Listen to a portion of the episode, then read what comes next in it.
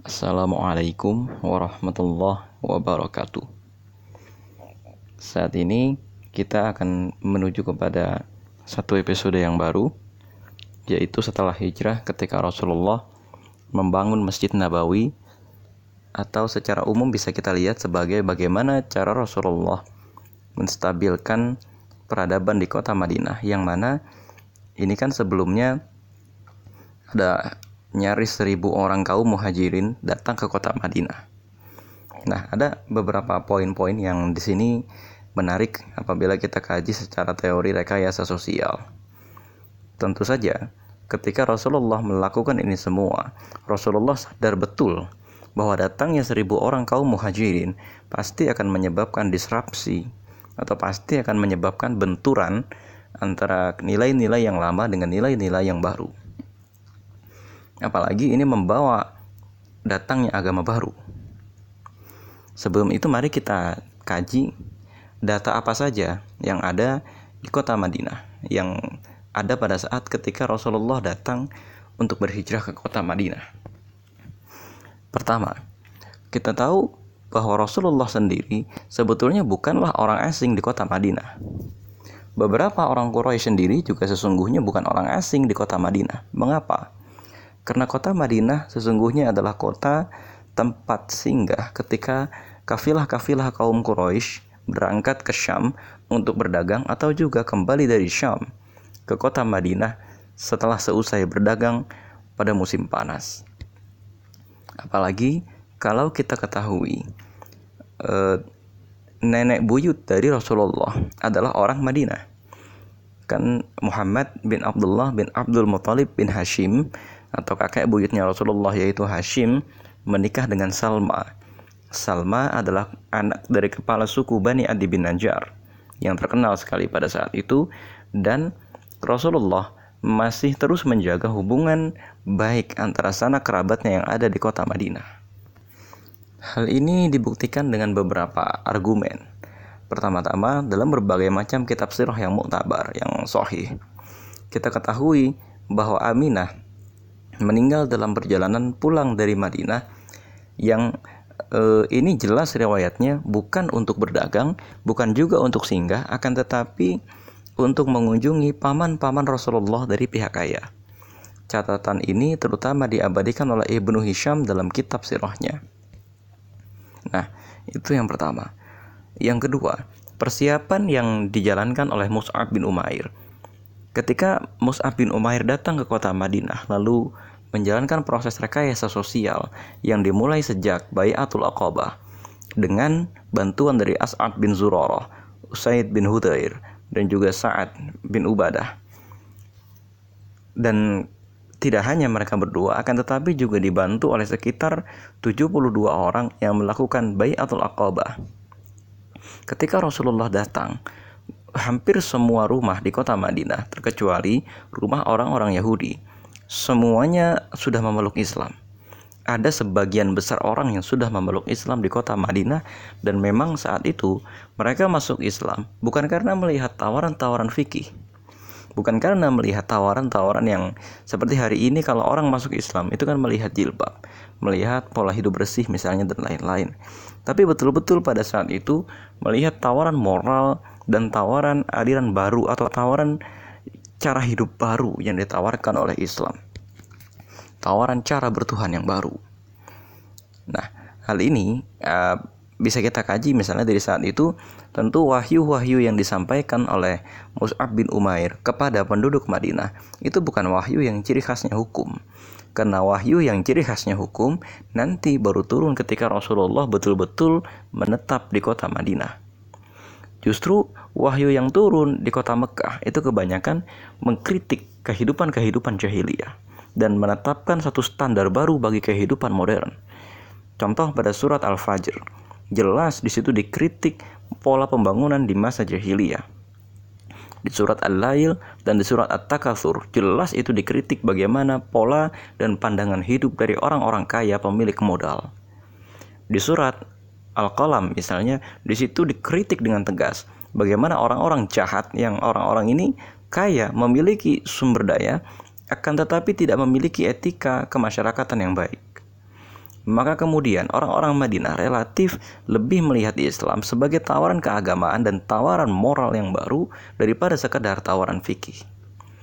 Karena jelas bagi mereka tidak ada gunanya kalau sekedar mengganti cara beragama atau mengganti cara berritual kalau itu tidak mengakibatkan berpindahnya kurva atau berpindahnya level masyarakat dari yang sebelumnya hancur akibat perang Buat menjadi suatu masyarakat yang baru yang kemudian akhirnya ini juga diakui oleh Jabir bin Abdullah seorang sahabat Nabi dari kalangan Ansor yang mengatakan dengan jelas bahwa datangnya Islam bertepatan dengan satu berkah yaitu habisnya kalangan generasi tua karena perang Buat sehingga generasi muda di kota Madinah bisa menerima Islam dengan cara yang lebih terbuka. Itu data yang kedua. Data yang ketiga. Di kota Madinah sendiri, akhirnya beberapa saat setelah kedatangan Rasulullah muncul ada dikotomi atau pembedaan-pembedaan masyarakat yang secara alamiah itu muncul ini nanti akan menjadi pembelajaran buat kita bahwa ketika kita berdakwah dan memasuki fase jahriyah atau memasuki fase dakwah terbuka, sudah pasti masyarakat akan terbagi ke dalam beberapa pihak. Pihak yang pertama adalah orang-orang yang sudah masuk Islam dari kalangan Ansor. Pihak yang kedua adalah kalangan kaum munafik yang pada saat itu dipimpin oleh Abdullah bin Ubay bin Salul dan ini tidak diikat dengan satu ikatan ras atau satu ikatan kabilah. Karena kenyataannya, melalui piagam Madinah, seluruh kabilah yang ada di kota Madinah sudah mengangkat bayat kepada Rasulullah, baik secara tauhid, secara religius maupun tauhid ini secara artinya gini, tidak bisa kita pahami bayat ini e, hanya melulu bayat keagamaan saja, tapi kalau kita lihat teksnya pada teks kalimat piagam Madinah. Bayat ini adalah juga mencakup bayat politik. Tapi Abdullah bin Ubay bin Salul yang pada saat itu berasal dari sebuah kabilah tampaknya tidak membawa-bawa sentimen kabilah ini tapi betul-betul tidak menyukai ajaran Islam dan tidak menyukai pribadi Rasulullah. Selain kaum munafik, muncul juga e, kaum Yahudi yang memang kaum Yahudi ini bukan kaum yang asli berasal dari Arab, tapi kaum ini adalah kaum yang memang asalnya itu dari Palestina yang terusir pada masa Panglima Titus menghancurkan Yerusalem. Nah, kemudian muncul juga kaum yang lain yaitu sebagian dari kaum Ansor yang masih kafir. Akan tetapi, mereka kemudian relatif tidak terlalu bergairah untuk memerangi Rasulullah karena memang pada saat itu munculnya Islam di kota Madinah tidak melalui jalur peperangan justru yang nanti akan mengakibatkan lebih banyak konflik bukanlah kaum Ansor yang masih kafir, tapi orang-orang munafik dan orang-orang Yahudi. Nah, dari data ini semua, ternyata Rasulullah tidak memfokuskan untuk menghadapi salah satu di antara mereka, tapi kemudian di tahun-tahun pertama fokus dulu untuk konsolidasi internal. Pola yang dijalankan Rasulullah di kota Madinah rupanya diulangi lagi di kota uh, yang dijalankan di kota Mekah diulangi lagi di kota Madinah. Kalau kita jumpai uh, pola yang ada di kota Mekah, pola pertama tiga tahun pertama Rasulullah itu membangun solidaritas terlebih dahulu. Nah solidaritas ini ada ring gitu ya pembagian ring satu, ring dua, ring tiga dan seterusnya. Ada 10 orang pertama yang masuk Islam ini ring satu. Kemudian ada 40 orang yang masuk Islam masih dijadikan ring satu. Kemudian ada orang-orang yang baru masuk Islam setelah periode dakwah jahriyah. Ini baru tergantung level keimanan orang tersebut. Ada di antara orang-orang ini yang masuk ke dalam ring satu, ada orang-orang ini yang masuk ke dalam jaringan ring dua. Mengapa? Karena toh nanti di antara orang-orang yang masuk Islam di masa periode dakwah jahriyah setelah Rasulullah e, berdakwah di Bukit Safa Ternyata di antara mereka ada yang tidak ikut berhijrah sampai kemudian sebagian di antara mereka murtad atau tetap muslim tapi mati di pihak kaum Quraisy. Setelah kita analisis data-data yang ada pada saat periode dakwah e, Makkiyah itu, nanti Rasulullah kemudian ternyata menerapkan metode itu di kota Madinah. Ternyata Rasulullah pada tahun-tahun pertama sebelum perang Badar, karena perang Badar terjadi pada tahun kedua Hijrah. nanti Rasulullah itu membangun basis terlebih dahulu, mengulangi cara yang sama seperti yang diulangi yang digunakan Rasulullah di kota Mekah. Pertama, Rasulullah mengikat solidaritas terlebih dahulu di kalangan orang-orang Islam. Caranya bagaimana? Ring satu itu diikat dengan metode ta'akhi atau persaudaraan. 45 orang pemimpin kaum muhajirin dipersaudarakan dengan 45 orang yang menjadi wakil atau pemimpin kaum ansor dan ini nanti akan membuat menjadi ring satunya orang-orang Islam. Meskipun di antara mereka tidak semua nanti akan menjadi ring satu, bergantung dengan kesibukan masing-masing juga bergantung dengan tingkat amanah masing-masing. Nah, dengan adanya persaudaraan ini ibaratnya terbentuklah satu satu tanzim yang akan mengatur kota Madinah. Masalahnya adalah yang dipersaudarakan bukan orang sembarangan, yang dipersaudarakan dari kalangan kaum Ansor adalah para pemimpin kota Madinah. Di antaranya Abdullah bin Rawaha, ini juga adalah seorang pemimpin kabilah. Ka'ab bin Malik juga adalah seorang pemimpin Madinah. Untuk kita ketahui, model pemerintahan jahiliyah ya pada saat itu sebelum datangnya pemerintahan modern di masa Khalifah Umar bin Khattab yang terjadi adalah pada saat itu model kepemimpinannya nggak ada satu pemimpin absolut yang ada betul-betul satu kepemimpinan yang sangat-sangat demokratis. Di mana orang yang mewakili satu suku yang orangnya banyak, orang yang mewakili satu suku yang kaya, atau orang yang mewakili satu suku yang orangnya sedikit tapi kuat, selalu memenangkan pertempuran. Dan atau misalnya ya selalu memberikan dana yang besar bagi setiap pembangunan atau setiap peperangan, maka orang ini suaranya dianggap menjadi kuat.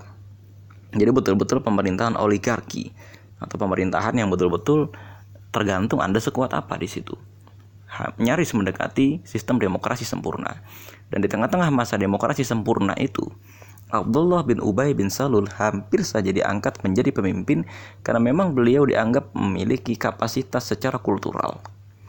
Tapi setelah datangnya Rasulullah, ternyata Rasulullah secara politik berhasil menggeser bandul dari Abdullah bin Ubay bin Salul menuju Islam.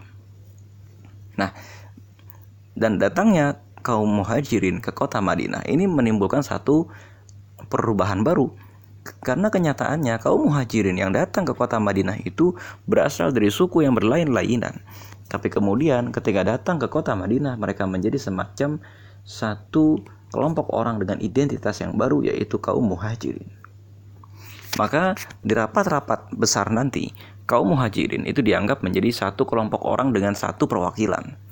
Meskipun setiap satu perwakilan bisa jadi terdiri dari beberapa oknum atau beberapa orang. Dengan adanya persaudaraan antara kaum muhajirin dengan kaum ansor, ini membuat kebijakan di kota Madinah memang seakan-akan diatur oleh satu uh, tubuh di belakang pemerintah. Adanya satu partai baru. Meskipun ibaratnya begini nanti pada saat pertemuan mereka di di Balai Bani Saidah misalnya ya. Ini semacam tempat memutuskan urusan di tengah-tengah mereka atau nanti di Masjid Nabawi. Semacam ada satu partai. Partai pertama itu partai Muhajirin, partai kedua itu partai Ansor dari kalangan Khosraj, partai ketiga partai Ansor dari kalangan Aus.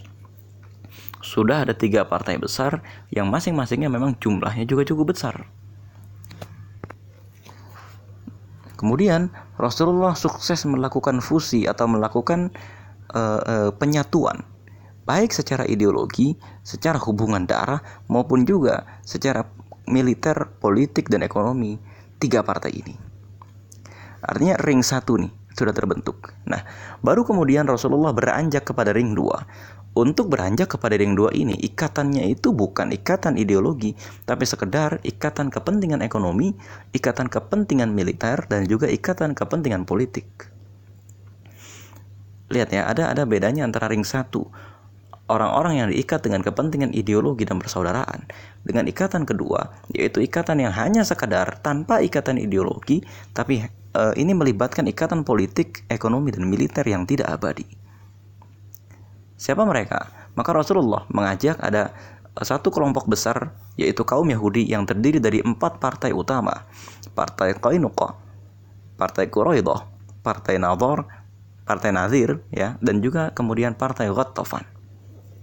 Nah, partai Gotafan ya dan kemudian partai Nadir dan lain-lain ini kemudian ikut dalam nanti satu perjanjian yang disebut Piagam Madinah. Bersamaan dengan Piagam Madinah, juga nanti ada partainya Abdullah bin Ubay bin Salul yang kemudian nanti dia tidak mewakili satu lembaga dan lain-lain gitu ya, tapi dia hanya mewakili satu kelompok orang ya yang mana Abdullah bin Ubay bin Salul itu memang juga punya pengikut yang banyak. Kira-kira jumlahnya sekitar 700 sampai 1000 orang. Hampir menyamai jumlah kaum muhajirin.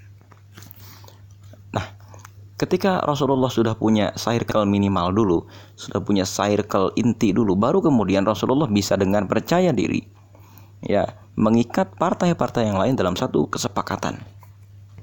Kesepakatan itu sifatnya universal tidak untuk menegakkan ajaran Islam, tidak untuk mengajak mereka ke dalam Islam, tapi untuk kepada satu tawaran kemanusiaan yang universal. Apa itu? Untuk saling melindungi, untuk saling berbuat adil dan hukum. Nah, mari kalau kita lihat di sini, gitu ya. Ini ada satu proses pembangunan negara yang menarik sekali yang dilakukan oleh Rasulullah. Piagam Madinah atau teks Piagam Madinah. Ini sebelum kita melihat ke pilar yang lain gitu ya. Kalau tadi kita lihat ada data-data yang ada di tengah-tengah kita bahwa kota Madinah habis mengalami peperangan. Yang kedua, kota Madinah habis juga mengalami semacam diskredit secara ekonomi dari kaum Yahudi. Dan ini semua tak lain tak bukan diakibatkan oleh tidak jelasnya jaminan keadilan dan tidak jelasnya jaminan hukum di tengah-tengah mereka. Datangnya Islam, datangnya Al-Quran jelas akan memberikan jaminan hukum di tengah-tengah mereka.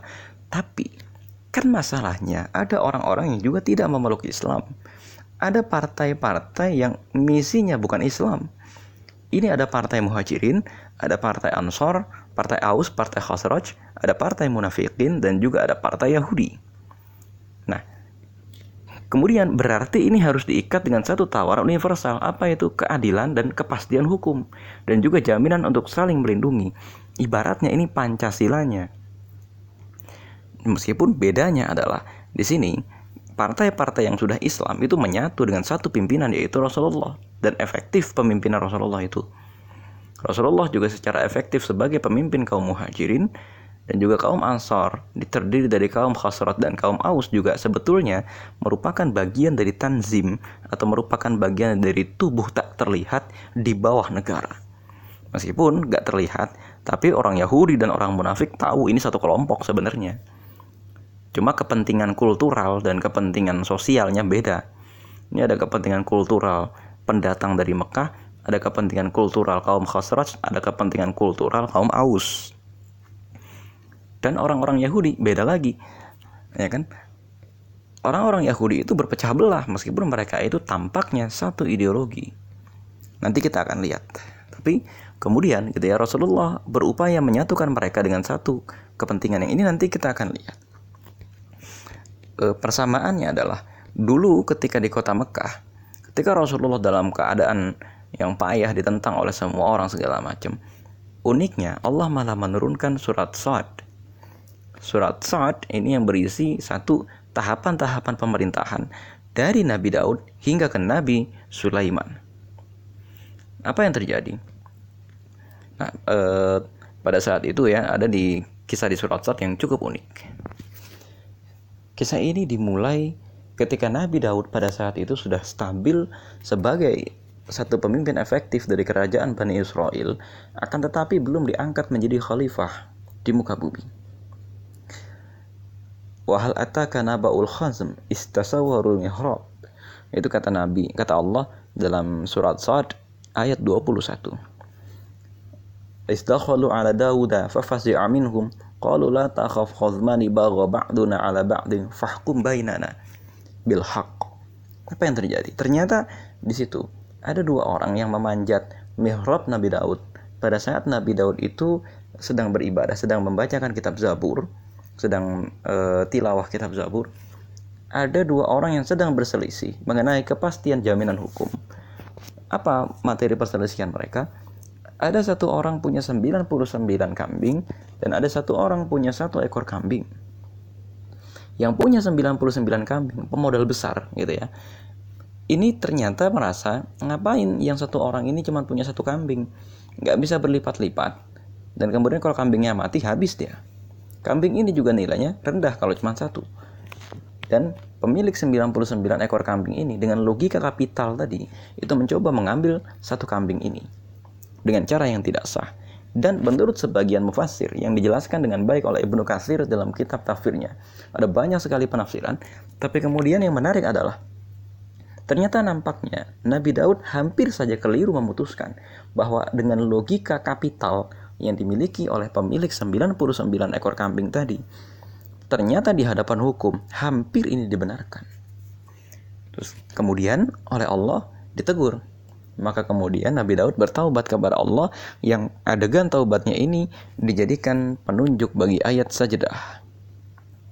Nah, eh, qala laqad zalamaka bi su'ali na'jatika ila ni'aji wa inna katsiran minal khulata ila yabghi ba'duhum ala ba'din illa allazina amanu wa 'amilu salihati wa qalilum ma hum.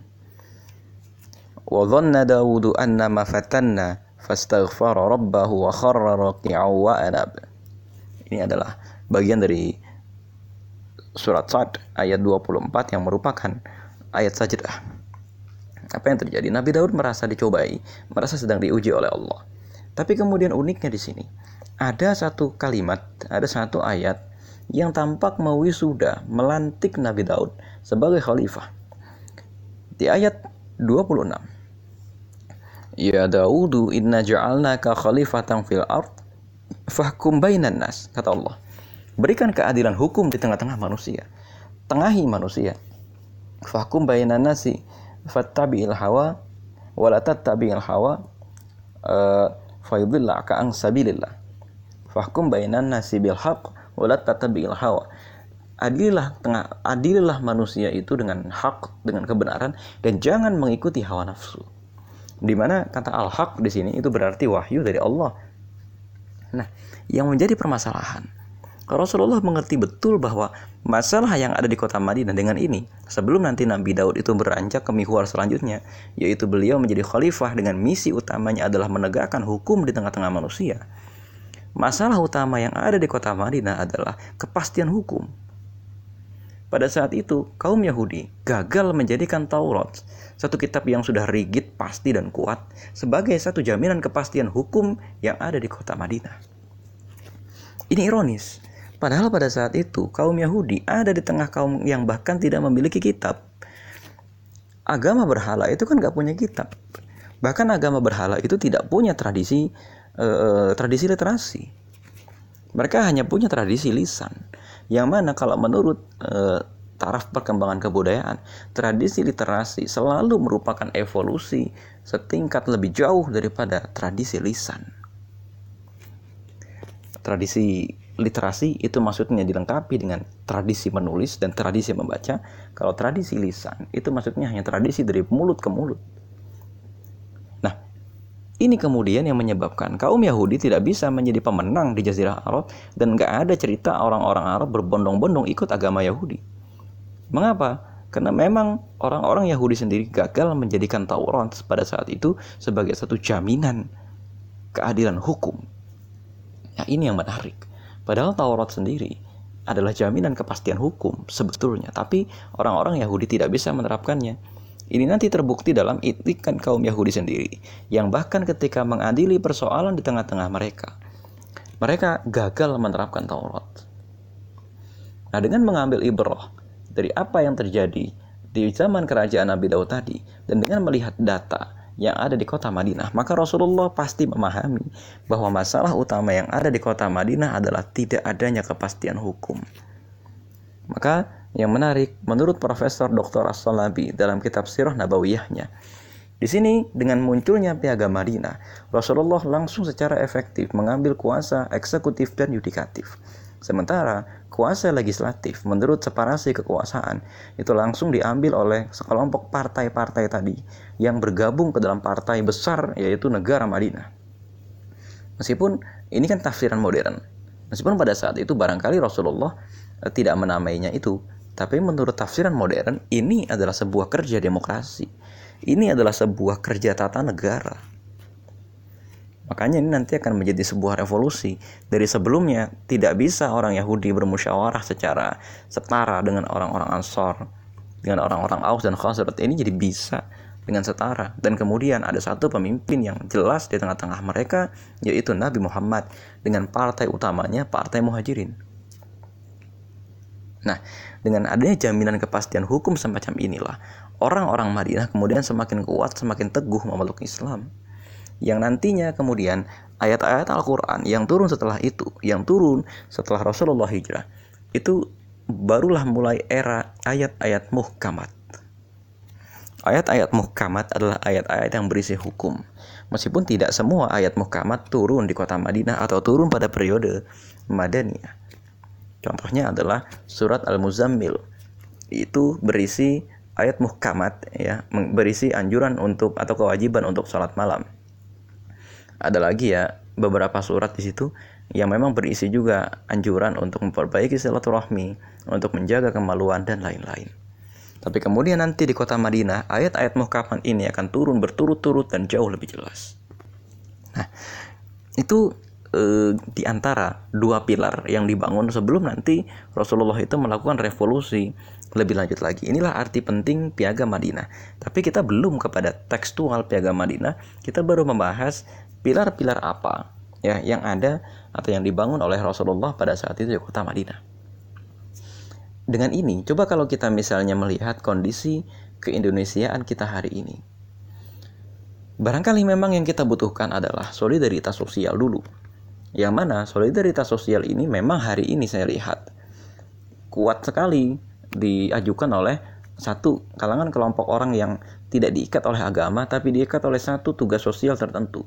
Contoh di Indonesia ini orang berbondong-bondong untuk berdonasi ketika datang bencana yang kedua, orang juga berbondong-bondong uh, uh, membuat satu komunitas atau misalnya pokoknya bergiat di satu kegiatan sosial yang membuktikan bahwa nalar sosial dan nalar keadilan masyarakat belum hilang. Belum sama sekali hilang. Yang kedua, ada satu kelompok muslim gitu ya, yang mereka itu kebanyakan membangun uh, kegiatan filantropi. Ada banyak yayasan-yayasan sekolah-sekolah dan juga ormas-ormas Islam yang baru dan juga lembaga zakat yang baru banyak sekali dibangun oleh orang Islam dan itu nanti akan menyebabkan seolah-olah orang Islam adalah satu lapis masyarakat tersendiri di Indonesia. Lapisan masyarakat ini kemudian punya ekosistem sendiri. Mereka bahkan punya e, kalau negara itu punya BPJS yang mencakup seluruh manusia di Indonesia, kalau orang-orang Islam ini sekarang sudah punya satu lembaga zakat sehingga dengan atau tanpa negara umat Islam itu bisa bisa berdiri. Ada sekolah sendiri, ada jaringan sekolah Islam terpadu, ada jaringan sekolah Muhammadiyah, dan ada jaringan pondok pesantren yang tidak menggunakan kurikulum dari negara. Ada zakat, ada infak, ada sedekah yang kemudian malah bisa mengcover seluruh kebutuhan ekonomi umat Islam. Dan bahkan sekarang ekonomi syariah itu mulai dilihat sebagai satu tawaran ekonomi modern yang lebih berkeadilan. Artinya apa? Tinggal ada satu yang yang bisa ditawarkan oleh umat Islam di Indonesia. Ada satu masalah bersama yang sedang kita hadapi. Masalah apa itu? Masalah keadilan. Contoh yang paling konkret di antara masalah keadilan, yang ini bukan masalah agamanya apa, tapi ini juga bukan masalah uh, bukan masalah pakai kitab apa, tapi rasa keadilan. Fahkum bainan nasi bil haq ini nggak ada, gitu loh. Contohnya apa? Omnibus law yang mana omnibus law ini kan jelas-jelas itu muncul lantaran ada sekelompok investor ingin mengeruk kekayaan di Indonesia, ingin mengambil keuntungan sebanyak-banyaknya. Tapi kemudian pemerintah tidak berdaya untuk menahan keinginan serakah mereka. Karena apa? Satu, lemahnya pemerintah. Terus yang kedua, banyaknya orang-orang para pembuat hukum yang fahkum bayanan nasi bil Tapi tatabi'il hawa itu masalahnya mereka menghukum di tengah-tengah manusia. Dalam arti mereka memberikan keputusan, tapi kemudian keputusan ini mengikuti hawa nafsu. Nah, ini semua nanti akan mengakibatkan revolusi akan mudah terjadi. Maka, gitu ya. Ketika ada satu orang atau ketika ada satu kelompok orang memberikan satu harapan, ini bintang revolusi baru akan muncul, bahwa fajar kemenangan akan datang atau misalnya ya semuanya semacam semacam orang yang bisa di bisa e, menarik simpati masyarakat karena mereka orang-orang ini dianggap bisa memberikan tawaran keadilan baru oleh sekelompok orang. Contoh yang paling gampang kemarin ketika fenomena Pilpres ada Prabowo Subianto, ada Habib Rizik, ada Ustadz Abdul Somad, ada ormas-ormas Islam. Apa yang terjadi? Orang akan berbondong-bondong ke sana dan rela mati demi orang itu, rela mati demi kelompok itu, rela mati demi ideologi itu. Karena memang perkara keadilan atau perkara hukum adalah perkara yang vital sekali kalau kita bicara konteks sebuah bangsa. Dan Rasulullah peka dengan hal itu. Rasulullah tidak memulai dakwah di kota Madinah dengan kajian di masjid. Rasulullah tidak memulai kajian atau tidak memulai dengan mengharamkan ini itu. Enggak, Rasulullah mulai dengan satu tawaran politik yang jelas bahwa ketika Islam datang, engkau akan mendapatkan keadilan yang tidak mengikuti hawa nafsu. Itu loh yang menjadi persoalan. Dan Rasulullah terbukti, track recordnya jelas, menyatukan partai-partai yang ada, terus membuat satu jaminan keadilan, tidak, atau meminimalisir konflik, dan seterusnya. Rekan-rekan sekalian, itulah yang bisa kita petik dari bagian pertama kajian ini, yaitu persoalan rekayasa sosial apa yang dilakukan oleh Rasulullah dengan ta'akhi dan dengan piagam Madinah. Dan itulah yang bisa kita contoh di negeri kita. Assalamualaikum warahmatullahi wabarakatuh.